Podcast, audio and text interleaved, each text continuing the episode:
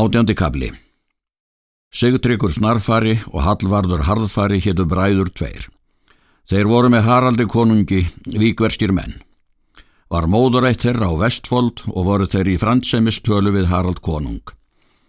Fadir þeirra hafði kyn áttu tveim megum gauðvelvar.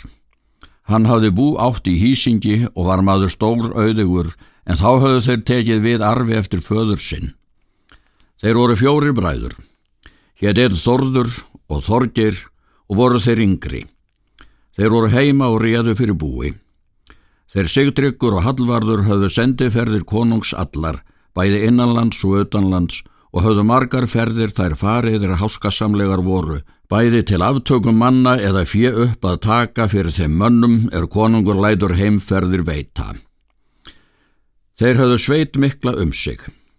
Ekki voru þeir vingaðir alþýðum manns, en konungur mat þá mikils og voru þeir allra manna best færir bæði á fæti og á skýtum, svo og í skipförum voru þeir hvaðferri en aðrir menn.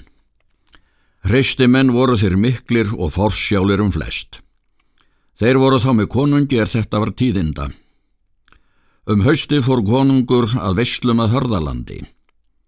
Það var einn dag að hann lit kalla til sín þá bræður Hallvarð og Sigtrygg. En er þeir komu til hans, sagði hann þeim að þeir skildu fara með sveit sína og halda njóstum skip það sem Þorgir Skjallandi fór með. Og hann hafði í sömar vestur til Englands. Færið mér skipið og allt það er á er nema menn.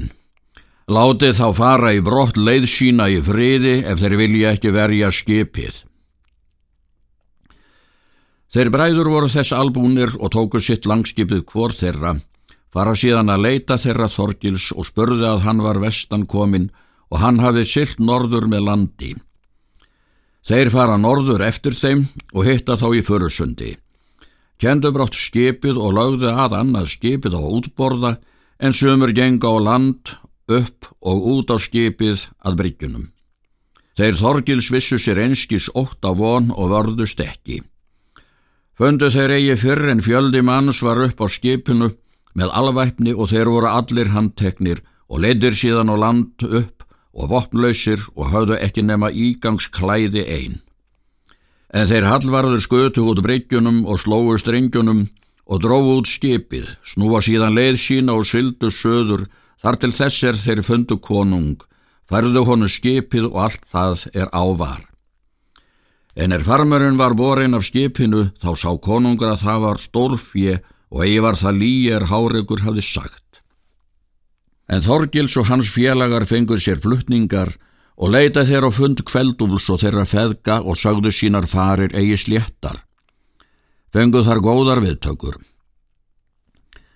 Saði kveldúlver að þá myndi þar til draga sem honum hafi fyrir bóðað að Þórólfur myndi eigi til allsendi skæfu til bera um vináttu Haralds konungs. Og þætti mér ekki mikil svert um félátt þetta er Þórólfur hefur mist nú, ef nú færi eigi hér hið meira eftir.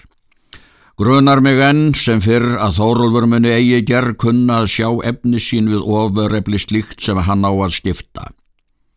Og bað Þorgil svo segja Þórólfi að mitt ráðir það, segir hann, að hann fari úr landi á brott því að vera kann að hann komi sér betur ef hann sækir á hönd englakonungi eða danakonungi eða svíakonungi. Síðan fekk hann Þorgísli róðrarskútu eina og þar með reyða allan svo tjöld og vistir og allt það er þeir þurftu til ferðar sinnar.